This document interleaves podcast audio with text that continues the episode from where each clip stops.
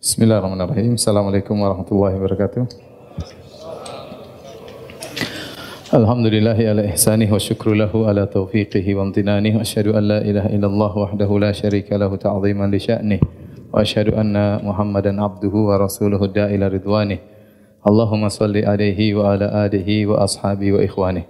Hadirin hadirat yang dirahmati oleh Allah Subhanahu wa taala, kita lanjutkan bahasan kita dari Asirah Nabawiyah namun dalam beberapa pertemuan ke depan, dua kali atau tiga kali, kita akan bahas tentang uh, sejarah Yahudi ya. Karena setelah itu kita akan masuk dalam fase jihad ya di uh, kota Madinah, maka di antara musuh-musuh Islam adalah kaum Yahudi. Maka kita perlu mengenal orang-orang Yahudi Eh, lebih dekat ya bagaimana keyakinan mereka, bagaimana akhlak mereka agar kita waspada ya.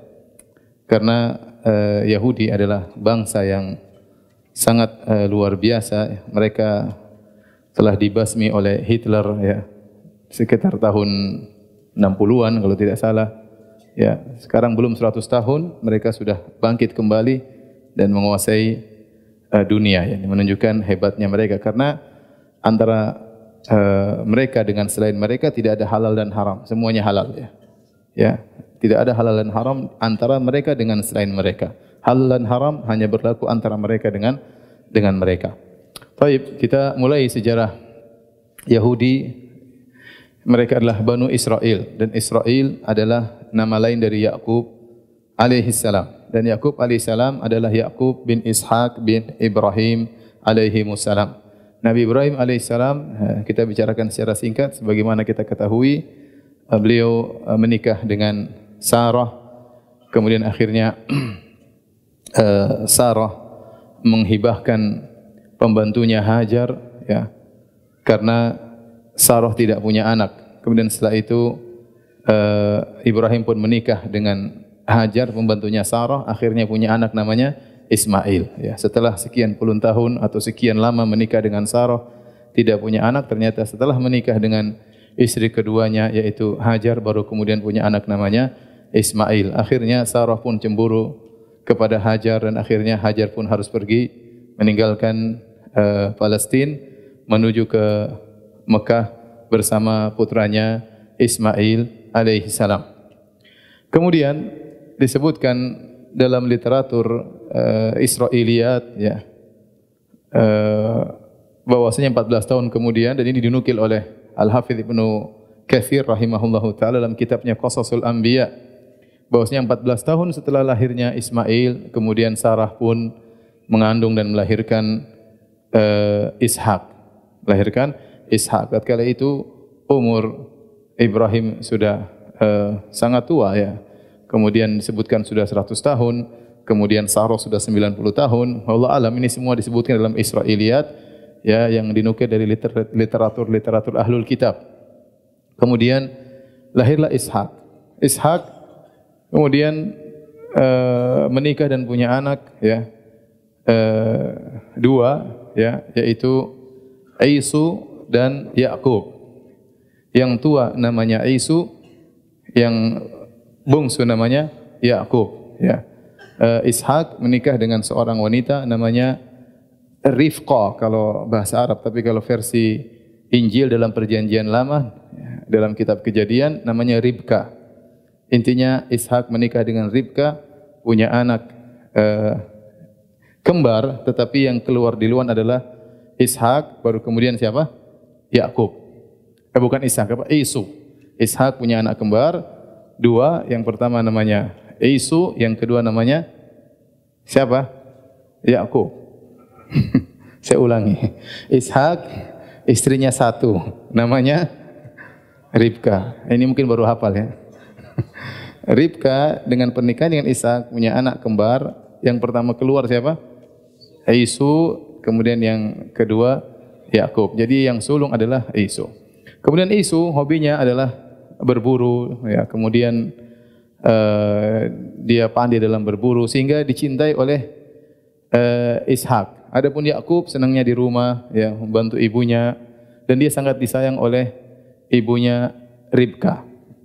Kemudian tatkala Ishak sudah tua dan mulai rabun matanya, sudah tidak bisa melihat lagi atau kurang bisa melihat ya dan maka dia pun ingin mewariskan keberkatan yaitu ingin mewariskan kenabian dan dia ingin mewariskan kenabiannya kepada Eisu, anak yang tersulung. Ingat, ini semua tidak ada dalam literatur Islam. Ini semua saya nukil dari perjanjian lama ya. Dari kitab kejadian. Kenapa saya nukil? Karena ini semua cerita pelak-pelak dinukil oleh Ibnu Katsir dalam Qasasul Anbiya. Sebagai bentuk Israiliyat. Kita ingin lihat bagaimana dalam kitab kejadian uh, Taurat, perjanjian lama itu namanya Taurat, perjanjian baru namanya Injil. Bagaimana kisah Yakub dalam perjanjian lama yang mereka anggap adalah kitab suci. Nah, akhirnya Ishak ingin mewariskan keberkatan kepada putra sulungnya Isu dan dia berkata kepada Isu, "Pergilah Isu kau berburu, kemudian uh, tangkaplah seekor kambing intinya dan masaklah buatku dan aku lagi ingin makan kambing tersebut. Nanti akan saya berkati engkau agar keberkatan turun semua kepadamu, maka keturunanmu akan menguasai dunia dan seluruhnya." Ya. Berangkatlah Isu ya, ingin segera mendapatkan keberkatan maka dia harus uh, berburu kambing. Rupanya Ribka sang ibu sang ibu lebih sayang kepada Yakub. Sang ibu lebih sayang kepada Yakub. Maka sang ibu berkata kepada Yakub, "Wahai Yakub, sungguhnya kakak sulungmu Isu sedang pergi dan sebentar lagi bapakmu Ishak akan mewariskan keberkatan kepada kakakmu." Saya ingin keberkatan kepadamu. Maka sekarang ikutilah perintahku. Kau potonglah kambing milik kita yang kecil tersebut. Setelah itu kau aku akan masakkan makanan kesukaan bapakmu. Bapakmu kan nggak bisa melihat ya. Terus setelah itu kau datang ketemu bapakmu minta berkat. Seakan-akan kau adalah Isu. Kata Yakub, "Ya ibunda, tubuhku beda dengan Isu. Isu badannya berbulu, sedangkan aku tidak tidak berbulu ya. Kemudian suara juga beda. Kata ibunya jangan khawatir. Ya, kau nanti ketemu bapakmu pakai bajunya isu.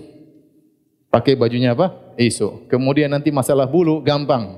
Kita akan ambil bulu dari kambing kemudian dipasang di badanmu. Paham ya? Akhirnya Yakub alaihissalam setuju dengan uh, perkataan ibunya. Akhirnya dia pun segera potong kambing, kemudian dimasak oleh ibunya, kemudian dia pakai bajunya isu, kemudian dia datang taruh bulu domba atau kambing di badannya, lantas dia datang kepada ayahnya. Wahai ayahanda, ini aku sudah tiba, membawa makanan yang kau sukai.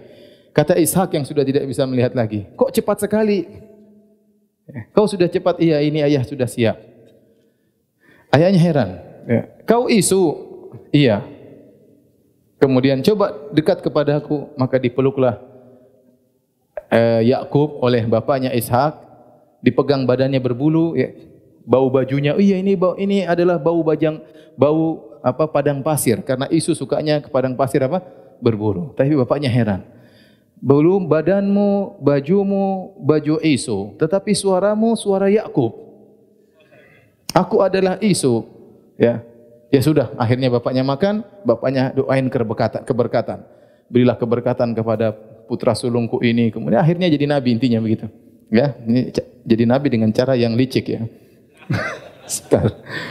akhirnya sudah didukaan keberkatan semuanya, akhirnya semua keberkatan turun kepada siapa? Yakub alaihi salam. Setelah itu Yakub ibunya senang, Yakub sudah dapat keberkatan, datanglah isu belakangan. Terlambat dia. Dia bawa makanan, sudah dimasak, kemudian dia bawa kepada Ishak. Dia berkata, ayah anda, ini aku isu, aku bawa makanan. Loh, kamu kan tadi sudah datang sebelum baru-baru saja. Enggak, saya baru datang sekarang ayah anda. Wah, ternyata tadi siapa? Ya aku. Waduh, adik kurang ajar ini. Akhirnya, gimana ayah anda? Doain kayak keberkatan kepadaku. Kata Ishak, sudah terlanjur, tidak bisa. Saya sudah doain kepada anak, kepada adikmu, adikmu akan menguasaimu. Bosnya keturunannya akan menguasai alam semesta ini dan seluruhnya keberkatan-keberkatan. Enggak ada keberkatan yang lain. Intinya akhirnya isu pun sakit hati luar biasa kepada adiknya siapa? Yakub dan dia dendam kepada Yakub dan dia ingin membunuh Yakub karena kenabiannya telah direbut dari siapa? Dari Isu ya. Akhirnya ketahuan ya karena ter, takut terjadi sesuatu, maka akhirnya ibu mereka Ribka menyuruh Yakub untuk pergi ke pamannya, yaitu saudari, saudaranya Ribka, namanya Laban, di kota lain, di Haran atau kota yang lainnya. Maka pergilah dia meninggalkan Palestina menuju Haran, daerah Syam, untuk bertemu dengan pamannya. Ini cerita terdapat dalam kitab kejadian di perjanjian lama ya. Tentu bagi kita orang Islam susah membenarkan cerita ini. Ya, karena kita tahu bahwasanya kenabian bukan turunan ya. Kemudian bagaimana Nabi ya, Nabi Ishak minta doa kan mintanya kepada siapa? Kepada Allah. Dan Allah kan tahu ini Yakub sedang menipu gitu. Masa Allah tetap aja kabulkan ya. Kalau Ishak bisa ditipu oleh Yakub, maka Allah tidak bisa ditipu ya. Kemudian bagaimana menjadi seorang nabi dengan kelicikan seperti ini? ya, dia merebut kenabian dari kakaknya dengan kebohongan dan kelicikan dan yang lainnya. Tentu ini tidak mungkin para anbiya seperti ini. Oleh karena kalau kita baca sejarah para nabi dalam literatur perjanjian lama dalam kitab-kitab kejadian, isinya penuh dengan kekacauan ya. Iya, penuh kekacauan di antaranya ini, di antaranya uh, Yakub menipu siapa? Isu dan menipu bapaknya Nabi Ishak. Bayangkan Nabi tipu Nabi. Kemudian juga contoh seperti Nabi Daud berzina, suka dengan istri orang, ternyata istri anak buahnya, dia bangun lihat-lihat, ih ada cewek ternyata cantik, dia lihat, ngintip Nabi Daud alaihissalam. Setelah itu dia pun jatuh cinta sama wanita tersebut, dipanggillah wanita tersebut, kemudian disetubuhi wanita tersebut. Itu dalam perjanjian lama, mengerikan. Kemudian akhirnya dia buat trik supaya suaminya cepat mati, maka dikirimlah suaminya ke musuh yang paling kuat, suruh maju paling depan. Akhirnya matilah suami wanita tersebut. Akhirnya perempuan tersebut diambil oleh Daud alaihissalam. Disebutkan Harun alaihissalam dalam Al-Qur'an Nabi Harun melarang Bani Israel untuk menyembah eh, menyembah, eh, menyembah eh, sapi. Ya. Walaqad qala lahum Harun min qablu ya qaumi inna ma futintum bih wa inna rabbakumur rahman fattabi'uni wa ati'u amri. Sungguh Harun telah menegur mereka sebelumnya. Wahai kaumku, sungguhnya kalian telah terfitnah. Tuhan kalian adalah Allah. Jangan sembah sapi. Tapi kalau dalam perjanjian lama, Nabi Harun yang kasih ide untuk bikin patung apa? Sapi. Dan seperti ini banyak tentunya uh, kita bilang ya uh, yang benar adalah yang disebutkan dalam literatur apa? Al-Qur'an maupun hadis-hadis yang yang sahih. Kita lanjutkan ya. Sejarah Bani Israel menurut versi mereka. Setelah itu Yakub pergi ke Haran, kemudian dia bertemu dengan pamannya namanya Laban ya. Kemudian akhirnya Laban, dia ketemu ternyata Laban ini punya dua putri. Yang pertama paling sulung namanya Lia, yang kedua namanya Rahil. Lia ini orangnya kurus, penampilannya enggak cantik ya. Sementara Rahil wanita yang cantik, menarik hati Yakub alaihissalam. Akhirnya Nabi Yakub ingin menikah dengan Rahil. Kemudian Laban berkata, pamannya berkata, wahai Yakub, kalau kau ingin menikah dengan putriku, kau harus kerja di sini menggembala tujuh tahun. Saya setuju. Maharnya kerja tujuh, tujuh tahun. Setelah selesai dia bekerja hampir tujuh tahun, mau selesai, waktunya selesai, maka dibuatlah pesta besar-besaran pernikahan Yakub. Maka orang-orang datang. Begitu malam pengantin, ternyata yang disodorkan adalah Lia. Waduh, sudah terlanjur. Kadung undangan tersebar. Akhirnya ini semua pembohong ini kasusnya. Akhirnya Yakub menikah dengan siapa? Lia. Rokmaan fihi terpaksa mau tidak mau dia nikah dengan siapa? Lia. Terus dia marah sama pamannya. Wahai paman, kita kan dulu perjanjian buat Rahil, kenapa kau kasih Lia? Kata pamannya, enggak mungkin adat kita, masa adik nikah dulu baru apa? Kakak. Ya kakaknya dulu deh. Kalau kau mau sama adiknya, kerja lagi tujuh tahun. Iya, siap. Akhirnya Yakub kerja lagi tujuh tahun. Ini dalam perjanjian lama ya, nanti Anda bisa cek kitab kejadian. Akhirnya uh, Yakub kerja lagi apa? Tujuh tahun. Setelah tujuh tahun baru kemudian dia nikah dengan Rohil. Dan dalam syariat mereka menurut perjanjian lama boleh menikah dengan kakak beradik ya. Jadi istri pertama Lia, istri kedua siapa? Rohil. Dalam pernikahan tersebut ya akhirnya Allah mengurangi menutup kekurangannya Lia yang yang mungkin buruk rupa dan kurus akhirnya punya anak. Punya anak uh, apa namanya beberapa anak ya. Dari yang tua namanya uh, apa namanya Rebon atau siapa nanti akan sebutkan nama-namanya. Saya tidak hafal nama-namanya agak susah ya. Intinya Lia punya beberapa anak laki-laki akhirnya Rohil cemburu. Rohil ternyata mandul nggak bisa punya anak. Sudah lama nikah nggak punya anak. Akhirnya Rohil punya budak wanita jariah namanya Hibla atau ya Hibla ya uh, Hilba. Hilba uh, adapun uh, Lia punya budak perempuan namanya Zilfa. Ya kalau kita Zulfa mereka bilang apa? Zilfa ya. Akhirnya karena Rohil tidak bisa punya anak maka dia hadiahkan budaknya kepada Yakub akhirnya Yakub nikahi punya anak dari budaknya dari Hilba tersebut punya anak ya kemudian akhirnya Lia cemburu dia kasih lagi budaknya Zilfa. Akhirnya nikah lagi punya anak lagi. Berarti Yakub ini punya anak dari empat orang wanita. Ya, paham? Antum dari berapa? Satu ya. Yakub dari empat. Ya. Pertama siapa? Lia, kemudian Rohil, kemudian Hilba, kemudian Zilfa. Rohil belakangan. Ternyata kemudian dia punya anak namanya Yusuf. Kemudian lama, kemudian lama-lama akhirnya punya anak lagi namanya Binyamin. Ya. Jadi saya akan sebutkan nama-nama 12 anak lelaki Yakub dari empat wanita yang dia gauli atau dia nikahi ya. Catat ya, anak-anak Lia namanya Ruben. Nomor satu. Kemudian Simeon. Yang kedua. Kemudian Lewi. Ketiga. Kemudian Yehuda atau Yahuda. Itu asal nama Yahudi sebagai nama berpendapat dari anak yang ke uh, tiga inilah atau keempat Yahuda inilah asal muasal nama Yahuda. Yehude kalau dalam kitab Injil disebut Yehuda. Kemudian Isakhar, keberapa itu? Keempat ya. Kelima. Kemudian Zebulon. Keberapa? Keenam. Anak-anak Rahil adalah Yusuf dan Binyamin. Berapa itu? Anak-anak Bilha, budak perempuan Rahil adalah Dan, serta Naftali. Namanya kalau di itu Dana, tapi di sini Dan dan Naftali. Dan serta Naftali. Berapa dan berapa? Sepuluh ya, ya. Sepuluh. Kemudian dari Zilpa, Zilfa atau Zulfa, budak perempuannya Lea adalah Gad dan Asher. Berapa? Dua belas. Sudah hafal? Coba. Ribon, siapa? Samun, kemudian Reblun, kemudian intinya itulah.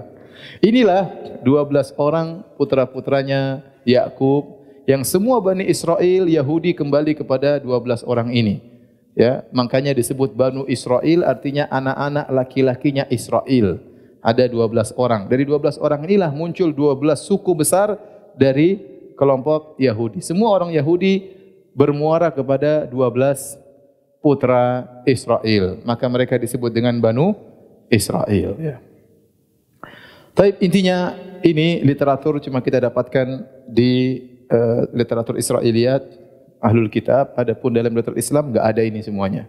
Ya, namun sebagian ulama menukil seperti Al-Hafidz Nukatsir rahimahullah taala dalam kitabnya Qasal Anbiya dan juga ulama-ulama yang dalam tafsir dalam tafsir mereka.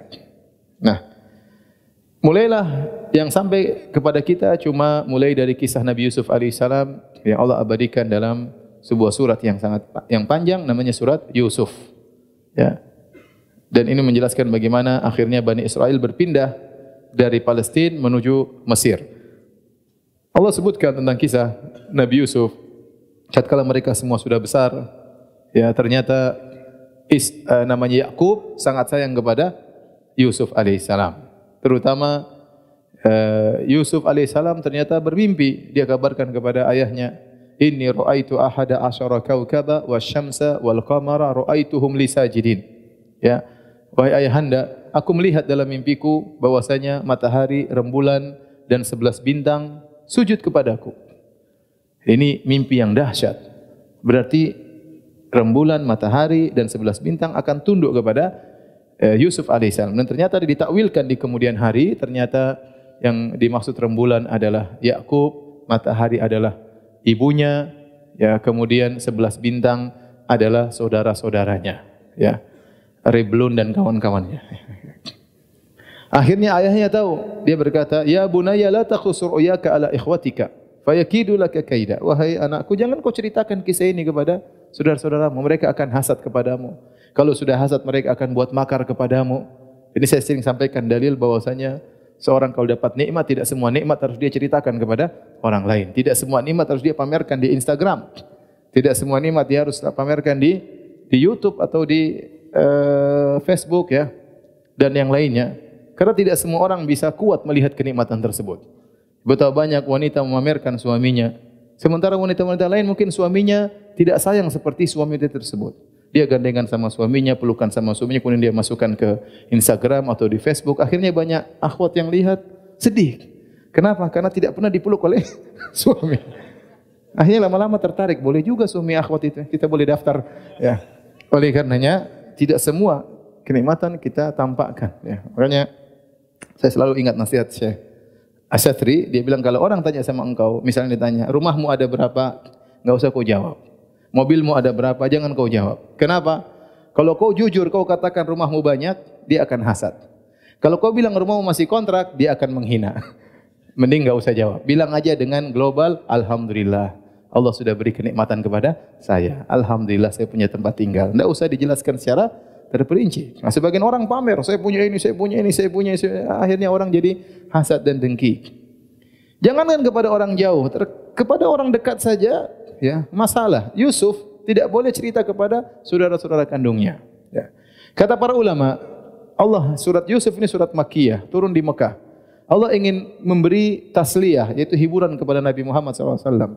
Bosnya engkau wahai Muhammad, engkau dimusuhi oleh kaum Quraisy yang itu sukumu sendiri kau dibunuh oleh dimusuhi oleh pamanmu, maka sudah dahulu sebelum engkau Yusuf dimusuhi oleh apa? Saudara-saudaranya, kakak-kakaknya. Yang harusnya kakak-kakaknya bela dia malah memusuhi dia. Akhirnya uh, kemudian meskipun Yusuf tidak cerita, namun akhirnya saudara-saudaranya Yahud, Yahuda, Riblon, Samun, ya, Lewi dan lain-lainnya pada cemburu kepada Yusuf. Akhirnya mereka bermusyawarah. Ya. Mereka berkata, La Yusuf wa akhuhu ahabbu ila abina minna wa nahnu usbah. Inna abana la fi dhalalim mubin. Sungguh Yusuf dan saudaranya si Binyamin sangat disayang oleh bapak kita. Yakub alaihissalam. Sungguhnya bapak kita dalam kesesatan yang nyata. Padahal bapaknya Nabi. Padahal bapaknya apa? Nabi. Akhirnya mereka saking cemburu, hasad mereka berkata, Ukutulu Yusuf. Kita bunuh saja si Yusuf. Atau pilihan kedua, awit rahuhu arda yakhlu lakum waju abikum. Kalau enggak dibunuh kita buang ke tempat yang jauh sehingga bapak kita enggak pernah lihat dia. Ya. Kalau sudah bapak kita enggak pernah lihat dia, akhirnya bapak kita akan lihat kita. Dan bapak kita akan konsen sayang kepada kita. Wa takunu min ba'di min ba'dihi qauman salihin. Sayang kita bunuh dia atau kita buang dia, setelah itu kita bertobat jadi orang-orang soleh lagi. Ya, ini apa trik yang bagus. Maksiat sekali aja kita bunuh. Setelah itu kita bertobat. Dan itulah terkadang orang soleh terjerumus dalam kemaksiatan. Dia bilang Allah Maha Pengampun. Sekali ini aja sudah habis tinggal lagi. Allah Maha Pengampun. Habis itu tinggal umroh haji selesai urusan. Dan ini bahaya ya. Akhirnya qala qailu minhum la taqtulu Yusuf. Di antara mereka yang bermusyawarah itu 10 orang bersaudara, mungkin Benyamin enggak ikut karena Benyamin satu ibu dengan siapa? Yusuf. Benyamin sama Yusuf ibunya siapa? Siapa tadi? Rahil, Masya Allah. Sudah hafal ya? Masya Allah. Akhirnya satu orang di antara mereka berkata, jangan bunuh Yusuf. Ya. Lemparkan saja dalam apa? Sumur. Yaltaqitu ba'dhu sayyara. In kuntum fa'in. Kalau kalian benar-benar ingin agar tujuan kita tercapai, orang tua kita Yakub konsen sama kita, sudah jangan dibunuh. Itu adik kita sudah lempar aja dalam sumur. Akhirnya mereka buat rencana. Mereka bilang, wahai bapak kami ya uh, apa namanya biarkanlah Yusuf pergi bersama kami ya biar dia jalan-jalan di rumah terus nggak enak jalan-jalan ya yarta wa yal'ab ya biar dia jalan-jalan ya. kita bawa dia ke padang rumput ya bapaknya mengatakan inilah yahzununi an tadhhabu bih wa akhafu an yakulahu dhi'bu wa antum anhu ghafilun Sungguh aku ya takut ya. Tidak suka kalau kalian bawa Yusuf pergi dariku. Nanti khawatir di sana dia dimakan oleh serigala. Mereka berkata, "Qalu la in akalahu dhi'bu wa nahnu usbah, inna idzal khasirun." Kita ini sekelompok orang, 10 orang. Kalau Yusuf ternyata masih dimakan oleh serigala, kita ini siapa? Sungguh kita kaum merugi. Masa kita 10 orang enggak bisa lawan serigala satu ekor? Akhirnya bapaknya setuju ya. Bapaknya setuju. Ini menunjukkan bagaimana Yakub sangat sayang kepada siapa? Yusuf alaihissalam. Akhirnya mereka pun pergi membawa Yusuf. Kata mereka, sungguh kami akan menginginkan kebaikan bagi adik kami. Mereka bawa wa ajmau ayyaj'alu fi ghayabatil jubbi. Kemudian mereka lemparkan Yusuf dalam sumur. Wa auhayna ilaihi latunabbi'annahum bi amrihim hadza wa hum la yash'urun. Waktu Nabi Yusuf dilemparkan masih kecil dilemparkan dalam sumur, maka Allah langsung mewahyukan kepada Nabi Yusuf. Suatu hari kau akan mengabarkan kepada mereka tentang kejadian yang mereka lakukan ini sementara mereka tidak sadar. Ada waktunya nanti. Ya. Artinya Allah beri kabar gembira kau akan selamat dan satu hari kau akan mengabarkan hal ini kembali kepada kepada kakak-kakakmu. Akhirnya sudah lempar dalam sumur. Wajahat sayyaratun fa arsalu waridahum fa dalwah. Tiba-tiba ada orang musafir lewat. Kemudian mengambil air di sumur, kasih masuk timba, tahu-tahu timbanya ditahan oleh apa? Yusuf. Pas diangkat, qalu ya gulam. Eh, ada budak lepas di sini. Ya, mumpung kita bisa jadikan apa? Budak. Kita bawa pergi jadi pekerja ya. Bukannya kasihan ini nak siapa, enggak. Ada budak ini jadi pekerja baru. Tatkala mereka mau ngambil Yusuf, kakak-kakaknya datang. Eh, itu budak kami yang lepas. Kalau mau beli. Fasyarahu bithamanin bakhsin darahima ma'dudah. Akhirnya Yusuf dibeli, duitnya diambil oleh kakak-kakaknya. Ya, enggak apa-apa, murah enggak apa-apa, yang penting bawa pergi. Akhirnya Yusuf dibawa pergi. Kemudian kakak-kakaknya waja'u abahum isya'ya bukun, maka pulang malam-malam, tunggu malam dikit. Biar biar dram, apa? dramatis ya. Kemudian pulang nangis. Uh, nangis rame-rame. Rame-rame 10 orang nangis. Qalu ya abana inna dhahabna nastabiqu wa tarakna Yusuf 'inda mata'ina fa akalahu dhi'bu. Wa ma anta bimu'minin lana walau kunna sadiqin. Perkataan yang sangat indah. Wahai ayahanda, kami tadi pergi bawa Yusuf, kemudian kami berlomba, lomba panah, lomba lari, kami biarkan Yusuf biar main sendiri. Karena masih kecil tidak bisa ikut lomba lari sama kami. Tiba-tiba dimakan oleh apa? Serigala. Ya. Namun sepertinya kau tidak akan percaya sama kami. Nangis. Nangis beneran. Makanya mereka datang malam-malam supaya seakan-akan ada kejadian baru. Padahal Yusuf sudah hilang dari sore. Tapi mereka pura-pura terlambat supaya kondisinya benar-benar memperdaya ayah mereka. Waja'u uh, apa namanya bidamin kadzib ya. Wa ja'u ala qamisihi bidamin kadzib. Kemudian mereka bawakan baju Nabi Yusuf penuh dengan darah. Ya.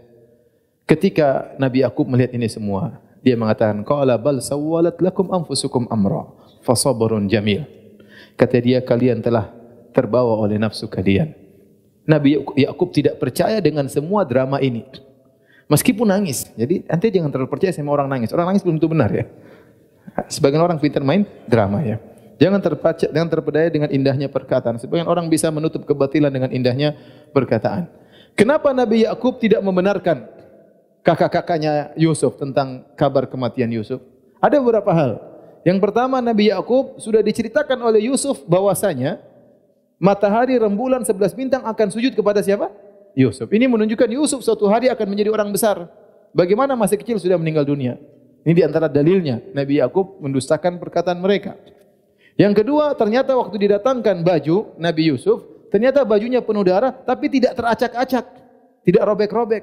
Apa ada serigala baik makan sambil tidak mengacak-acak Nabi Yusuf? Harusnya kan bekas garukan, bekas cakaran. Harusnya bajunya ini menunjukkan korinah indikasi menunjukkan mereka berbohong. Tetapi apa kata Yakub alaihissalam fasabrun jamil. Sabar yang jamil yang indah. Kenapa kata para ulama? Dia tahu tidak mungkin kembali Yusuf. Dia enggak mungkin maksa kakak-kakaknya untuk kembalikan Yusuf. Karena mereka sudah sepakat untuk berdusta, untuk membohongi bapaknya Yakub alaihissalam. Ini dalil terkadang seorang soleh diuji dengan anak-anak yang tidak beres. Ya, Nabi Yakub itu nabi yang paling mulia di zaman tersebut. Hamba Allah yang paling dicintai oleh Allah di zaman itu adalah Yakub alaihissalam. Bukan Yakub tadi yang bohong-bohong ya, enggak. Ini Yakub versi Islam sekarang. ini hamba yang paling dicintai oleh Allah Subhanahu wa taala. Tetapi Allah uji dia, ternyata di antara anak-anaknya ada yang soleh seperti Yusuf alaihissalam dan ada yang brengsek 10 orang yang yang ternyata uh, menipu ayah mereka padahal ayah mereka nabi ya. Nekat nipu nabi ya. Tapi kata Yakub, fasabrun jamil, kesabaran yang penuh keindahan. Allah sebutkan dalam Al-Qur'an ada sabrun jamil. Fasfahi safhal jamil. Hajran jamila. Allah sebutkan safhan jamilan, safhal jamil, kemudian hajran jamila, kemudian sabran sabrun jamil. Sabrun jamil, sabar yang indah maksudnya apa? Kesabaran yang tidak disertai dengan syakwa mengeluh kepada orang lain. Dia hanya mengeluh kepada Allah. Itu namanya sabrul jamil. Anda boleh dapat penderitaan, Anda boleh sengsara, tapi Anda tidak mengeluhkan kepada manusia. Adapun Anda mengeluhkan kepada Allah, itu yang dituntut. Anda melepaskan semua keluhan Anda kepada Allah, itulah sabrun jamil. Sebagaimana perkataan Nabi Yakub nanti dia mengatakan, ya, innama ashku bathi wa huzni ila Allah. Sungguhnya aku hanya menyampaikan kesedihanku kepada Allah. Itulah as-sabrul jamil. Adapun uh, hajran jamilan meninggalkan dengan meninggalkan yang baik itu meninggalkan tanpa memberi gangguan. Tanpa memberi gangguan. Kita mungkin ada orang ganggu kita, kita tinggalkan dia tanpa harus membalas. Kalau kita balas bukan hajrun jamil. Ya. Kemudian uh, safhal jamil. As-safhal jamil yang memaafkan dengan al-jamil dengan memaafkan yang baik adalah memaafkan tanpa itab, tanpa mencela. Tidak mengatakan ente memang kurang ajar, ente brengsek, tapi saya maafkan. Itu bukan Asoful jamil. Asoful jamil, ya saya maafkan. Selesai. Tidak komentar, tidak mencela, nasihat boleh, tapi tidak mencela. Ya. Itu namanya asoful jamil. Kalau seorang bisa berhias dengan tiga akhlak mulia ini, asabrul jamil, asoful jamil, sama al-hajrul al-jamil. Taib, al-kisah akhirnya Nabi Yusuf alaihissalam dijual di Mesir, dibeli oleh Menteri Keuangan Mesir namanya Aziz dan dia seorang punya seorang wanita yang cantik jelita konon namanya Zulekha. Dalam literatur Islam tidak disebutkan namanya Zulekha, tapi dalam Israiliyat namanya apa? Zulekha ya. Kalau kita jadi Zulekha. Kalau versi mereka mungkin Julia, mungkin ya. ya. Allah alam, saya nggak tahu ya. Intinya Zulekha ini akhirnya Yusuf dirawat oleh mereka di keluarga tersebut, keluarga kaya raya. Kata sang menteri, asa an yanfa'ana au nattakhidahu walada rawat dia baik-baik, masih kecil. Siapa tahu nanti kalau besar bermanfaat bagi kita atau kita angkat dia menjadi anak angkat. Kebetulan mereka tidak punya anak.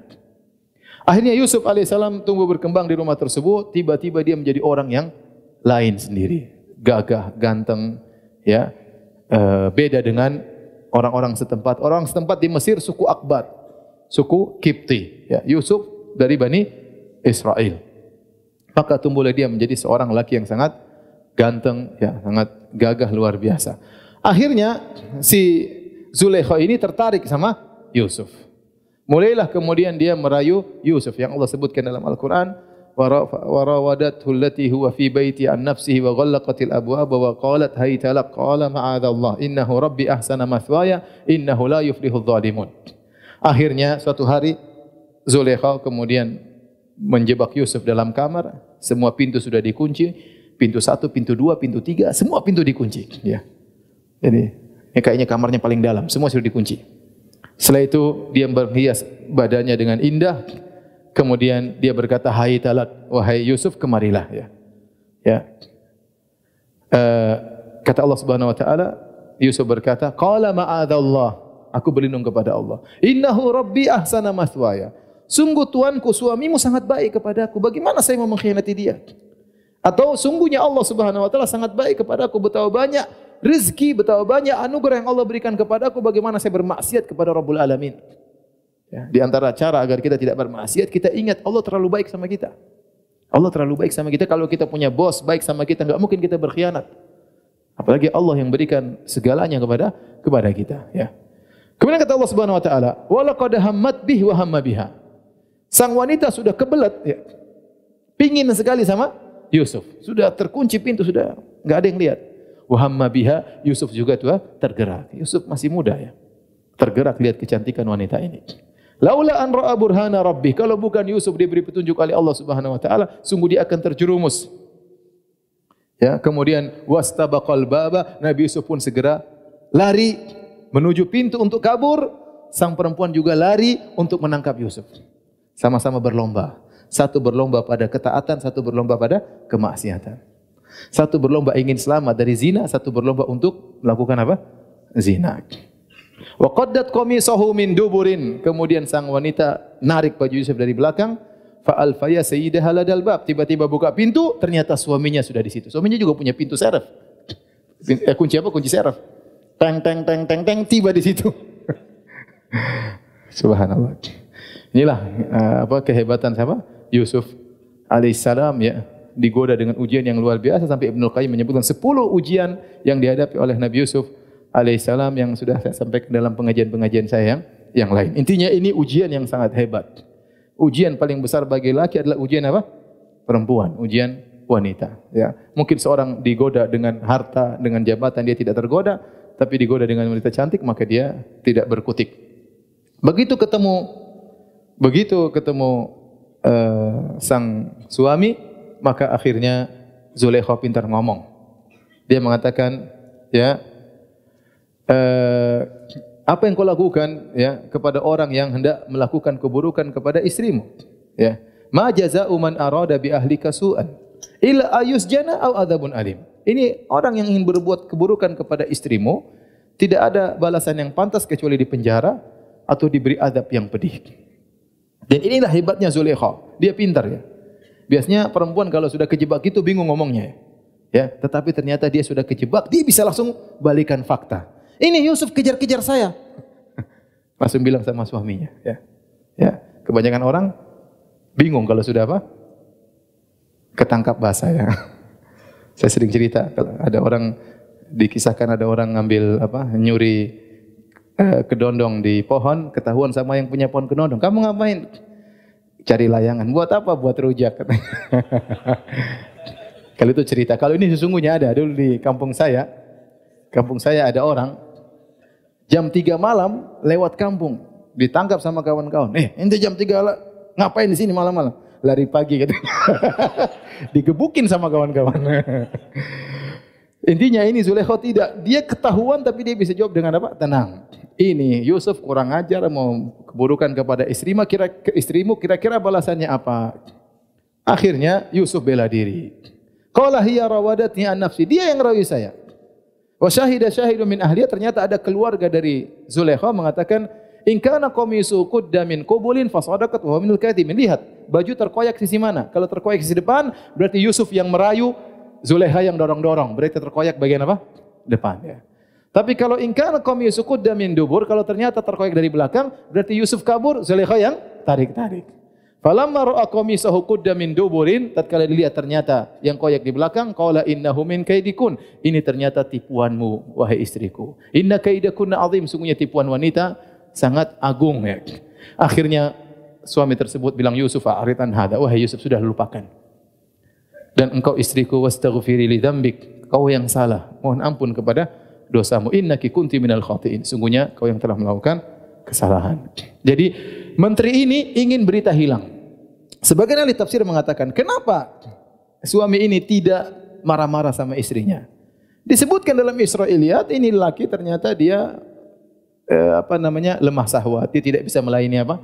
Istrinya. Maka wajar kalau dilihat istrinya kemudian tertarik sama lelaki sehingga dia tidak begitu marah sama istrinya. Bukan dia tidak punya kecemburuan tapi sudah dia tidak bisa apa-apa. Akhirnya dia ya sudahlah istriku kau minta maaf. Yusuf kau lupakan saja. Ingin isu tersebut hilang. Yang hadir Allah sebutkan dalam kisah tersebut hanya suami Zulekha, si Zulekha, Yusuf sama keluarga Zulekha. Tetapi ternyata tidak bisa ditutup. Namanya isu tersebar satu Mesir. Jadi buah bibir para wanita. Wa qala niswatun fil madinati imra'atul aziz turawidu fata an nafsi. Ibu-ibu pada ngobrol, ngerumpi. Itu istrinya menteri ngawur, masa naksir sama pembantunya. Ini omongan apa? Qada syaghafaha hubba. Sungguh sang Zulaikha ini sangat jatuh cinta kepada pembantunya. Innala naraha fi dhalalim mubin. Menurut kami itu Zulaikha sangat sesat. Falamma sami'at bimakrihinna Allah menamakan rapat mereka namanya makar. Makanya Allah mengatakan falamma sami'at bimakrihinna ternyata tatkala Zulaikha mendengar tentang makar ibu-ibu tersebut jadi rupanya ibu-ibu ini ngobrol gitu penasaran ingin lihat Yusuf. Kok bisa ini istri menteri yang cantik jelita naksir sama pembantunya? Ini siapa pembantunya ini? Ternyata mereka ngobrol gitu supaya diundang lihat apa? Yusuf ya. Pura-pura mencela ternyata ingin apa? Pengen tahu.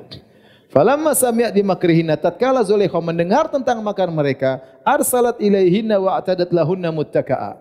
Maka kemudian Zulaikha pun ngutus mereka untuk datang, diundang. Wa atadat lahunna muttaka'a, kemudian disiapin tempat-tempat untuk bertelekan. Wa atat kulla wahidatin minhunna sikina, masing-masing dikasih pisau, dikasih buah-buah atau makanan yang bisa dipotong. Tatkala mereka sedang ngobrol sambil potong-potong buah atau potong makanan ya. Faqalat ikhruj alaihin. Kata Zulaikha, Yusuf tolong lewat depan mereka. Nabi Yusuf lewat. Teng teng teng. Falamma ra'aynahu akbarna wa qata'na aydiyahunna tatkala mereka lihat mereka terkejut, mereka kaget sampai mereka potong tangan-tangan mereka tanpa sadar saking tampannya siapa Nabi Yusuf. Tampannya luar biasa. Kalau antum baca buku tafsir, Israeliat banyak aneh-aneh. Ada yang mengatakan begitu mereka lihat Yusuf langsung ada yang haid. Sebagian mereka lihat Yusuf begitu tampannya langsung mati ya. Ada di antara mereka langsung pingsan ya. Karena Nabi Yusuf sangat tampan sampai-sampai Nabi bertemu, pernah bertemu Nabi Yusuf di Isra Mi'raj Nabi berkata u'tiya syatrul jamal. Sungguh Yusuf telah diberikan setengah ketampanan. Antum enggak tahu seperberapanya. Tapi Yusuf alaihissalam setengah ketampanan untuk siapa Nabi? Nabi Yusuf alaihissalam. Faqata'na aydiyahunna wa qulna hasya lillahi ma hadza basyara. Kata mereka, demi Allah ini bukan manusia. In hadza illa malakun karim. Sungguh ini malaikat yang mulia. Saking apa? tampannya. Taib. Sampai sini aja. Ya. Kita lanjutkan nanti dua depan dua minggu lagi insyaallah taala. Silakan azan kalau ada yang bertanya saya persilakan. Mohon dibaca Pak Ustaz. Saya sangat butuh saran dari Pak Ustaz. Ini nanya serius ya. Dari rumah sudah diketik ya. Saya punya istri, istri saya termasuk orang yang jarang update di Instagram. Namun sekalinya update, sering dikomen dengan temannya bahwa dia suka pamer. Bikin orang iri dan lain-lain. Padahal kalaupun update hanya pas ada momen-momen jalan-jalan ke kota mana gitu. Itu pun hanya sekali di setiap momen tersebut. Dan jarang juga saya mengajak jalan-jalan. Hehehe. Bahkan istri saya beberapa kali ditegur langsung di depan orang banyak dengan suara yang lumayan kenceng padahal hanya update sepele dan tidak ada unsur pamer. Sepengetahuan istri saya, rekan-rekan yang lain tidak pernah ditegur seperti itu. Padahal sering banget update dan update-nya lebih parah, lebih parah pamernya. Apa yang harus saya sarankan kepada istri saya karena saya jengkel? Istri saya tipe orang yang lembut, nggak bisa dibentak-bentak. Namun malah diperlakukan seperti itu. Mohon nasihatnya Ustaz. Ya. Kalau nasihat saya sudah nggak usah update. Gak usah update. Ya, berarti ada yang memang menunggu-nunggu istri antum update untuk dikomentari. Ya. Kalau dia bilang yang lain kok tidak dikomentari, ya sudah orang masing-masing. Mungkin istri antum dihasati oleh banyak orang. Kita jangan buka pintu uh, problem ya. Kalau bisa tidak ada problem kan lebih indah hidup ini. Kalau kita tahu setiap update di Cibir, setiap update di Cibir, kenapa nekat update? Gak usah. Kalau enggak, bikin grup Instagram tertutup, orang-orang yang tidak suka nyibir. Ya yang teman-teman yang dekat ya sekedar apa namanya saling share di antara mereka, saling share kebahagiaan ya. Tapi saya katakan tadi, tidak semua kebahagiaan harus kita share ya. Seperti ini apalagi sudah terbukti setiap share dituduh pamer lah, dituduh inilah. Padahal istri antum tidak pamer, cuma mau kasih lihat aja. Oleh karenanya, saya saran saya ya udah bilang istri udah kalau begitu-begitu sudah nggak usah diupdate. Kalau update dalam grup tertutup teman-teman dekat yang tidak suka apa nyinyir itu lebih baik. Kalau memang ternyata setiap update di cibir, di nyinyir, mending nggak usah update ya, nggak usah update. Jadikan foto pribadi, simpan di HP, nanti tinggal pamer ke suami, nggak apa-apa. Suami aja yang ngelihat ya, atau kawan-kawan dekat.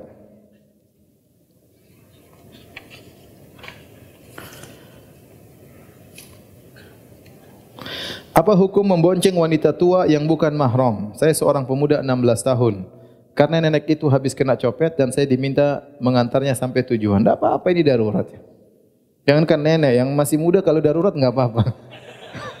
Contoh misalnya ada perempuan cantik, tidak pakai jilbab kesambar motor jatuh. Ente aduh gimana ini? Enggak usah diangkat itu. Tunggu mati dulu. Ya ente. Ente angkat saja. Astagfirullah bawa ke rumah sakit. Itu darurat ya akhi. Jangan bilang haram, mungkin haram, haram gimana keburu mati. Ini tidak apa-apa, darurat nggak ada masalah ya. Coba dalam ada ada misalnya banjir atau apa kita tolong, kita pegang, kita peluk, kayak masalah darurat nggak ada masalah ya. Ah, bukan cuma antum, saya juga pernah begitu masalahnya. Waktu zaman dulu sekitar tahun 2003, 2004, tatkala lempar jamarot masih masih cuma dua lantai, lantai dasar, lantai satu. Itu orang banyak meninggal dunia. Ya, bagi terkadang ibu-ibu harus kita pegang, harus kita peluk, harus kita tarik. Kalau enggak dia mati. Tunggu, aduh haram, haram, haram, haram keburu mati. Sudah. Ini darurat, darurat yang haram jadi halal ya. Ya, bahwasanya dengan kondisi darurat maka tidak mengapa. Jadi apa yang antum lakukan sudah benar. Terus nenek ini suruh tunggu ojek perempuan yang antar gitu maksudnya. antum antar aja nggak ada masalah. Apakah boleh dua kali tawaf dalam satu safar? Tawaf berulang-ulang sebanyak-banyak dalam satu kali safar enggak ada masalah. Yang khilaf tentang masalah umrah berulang-ulang dalam satu safar. Ada khilaf di kalangan para para ulama. Saya lebih condong bahwasanya tidak dianjurkan umrah berulang-ulang dalam sekali safar karena bukan amalan para salaf. Ya bahkan uh, hadis yang masyhur dalam Sahih Bukhari dan yang lainnya tatkala Aisyah radhiyallahu taala anha hajian kemudian dia ternyata haid sehingga dia tidak bisa umrah, tidak bisa haji tamattu, tidak bisa umrah baru baru haji, akhirnya dia cuma haji aja. Ya. Setelah hajian maka Nabi izinkan dia untuk umrah karena dia belum umrah dalam safar tersebut. Akhirnya beliau umrah, Nabi menyuruh saudaranya Abdurrahman bin Abi Bakar radhiyallahu anhu untuk menemani Aisyah ke Tan'im, kemudian antar ke Masjidil Haram, tawaf dan selesaikan umrahnya. Ternyata Abdurrahman bin Abi Bakar radhiyallahu anhu menjalankan perintah Nabi sallallahu alaihi wasallam, dia tidak sekalian umrah, dia hanya nganterin siapa? Aisyah, kemudian tawaf dan sa'i dan selanjutnya. Dan ini dalilnya banyak. Ini sekedar sebagian dalil yang saya sampaikan. Intinya, tapi kalau ada yang mengulang-ulangi umrah, maka kita bilang masalah khilafiyah. Cuma pendapat yang saya yakini bahwasanya tidak dianjurkan menyengaja untuk mengulangi umrah dalam satu safar. Adapun tawaf sunnah silakan. Silakan mengulang-ulangi tawaf sunnah. Apakah dunia ini diciptakan karena Allah menciptakan Nabi Muhammad SAW? Dengan kata lain Allah tidak akan menciptakan dunia jika Allah tidak menciptakan Nabi Muhammad SAW. Kita bilang ini akidah. Meyakini dunia tidak diciptakan kecuali karena Allah menciptakan Nabi. Mana dalilnya? Islam tidak boleh ngomong kecuali dengan apa? Dalil. Kalau enggak dalilnya enggak bisa. Adapun hadis laulaka laulaka ma khalaqtul aflaq. Kalau bukan karena engkau Muhammad, kalau bukan karena engkau Muhammad aku tidak ciptakan alam semesta hadis palsu. Ya. Tidak bisa dijadikan akidah. Ya. Apalagi berdosa atas nama Nabi sallallahu alaihi wasallam. Dan ini bertentangan dengan ayat kata Allah, "Wa ma khalaqtul jinna wal insa illa liya'budun." Aku ciptakan jin manusia untuk beribadah kepadaku. Tujuannya agar Allah ya memerintahkan makhluknya untuk bertauhid kepada Allah Subhanahu wa taala. Kita mengagungkan Nabi sallallahu alaihi wasallam, hamba yang paling dicintai oleh Allah Subhanahu wa taala. Tapi bukan berarti kecintaan kita kepada Nabi akhirnya kita membuat ya akidah-akidah yang tidak diajarkan oleh Rasulullah wasallam kita berusaha senama Nabi alaihi wasallam, namanya kita tidak cinta kepada kepada Nabi. Tidak menghargai Nabi sehingga kita membuat akidah yang tidak diajarkan oleh Nabi wasallam. Kita melakukan ajaran yang tidak pernah dicontohkan Nabi wasallam. Mana kita dikatakan ahlu sunnah sementara kita tidak mengerjakan sunnah yang kita kerjakan bid'ah. Ya, kemudian kita jadikan bid'ah itu sebagai barometer benar atau sesat. Aneh. Aneh di zaman ini ada orang melakukan perbuatan yang dia tahu pun ini Nabi tidak melakukannya. Kemudian dia jadikan itu sebagai barometer untuk menentukan orang benar atau salah. Terus dia mengaku dirinya ahlu sunnah. Ya itu sunnah tuh bukan mana dalilnya? Enggak ada dalilnya. Terus itu apa? Ya ini bid'ah, bid'ah hasanah. Ya sudah. Ahlul bid'ah hasanah. ya sunnah jelas. Sunnah ada definisinya. Yang datang dari Nabi SAW, baik ajarannya, perkataannya, perbuatannya. Itu anda bela mati-matian, silakan. Anda jadikan itu barometer. Cinta kepada Nabi atau tidak. Sunnah Nabi SAW. Adapun anda buat sesuatu yang baru, kemudian Anda jadikan Anda lariskan ke masyarakat, kemudian Anda jadikan ini barometer mengukur orang benar atau salah, dari mana barometer ini? Apakah Anda dikatakan mengagungkan Nabi sementara Anda seperti ini? Ya, Nabi tidak mengajarkan terus Anda mengatakan ini ajaran Nabi sallallahu alaihi wasallam. Tapi demikian saja kajian kita. Kita lanjutkan insyaallah dua pekan depan. Subhanakallah bihamdik, syadu ala ila anta Assalamualaikum warahmatullahi wabarakatuh.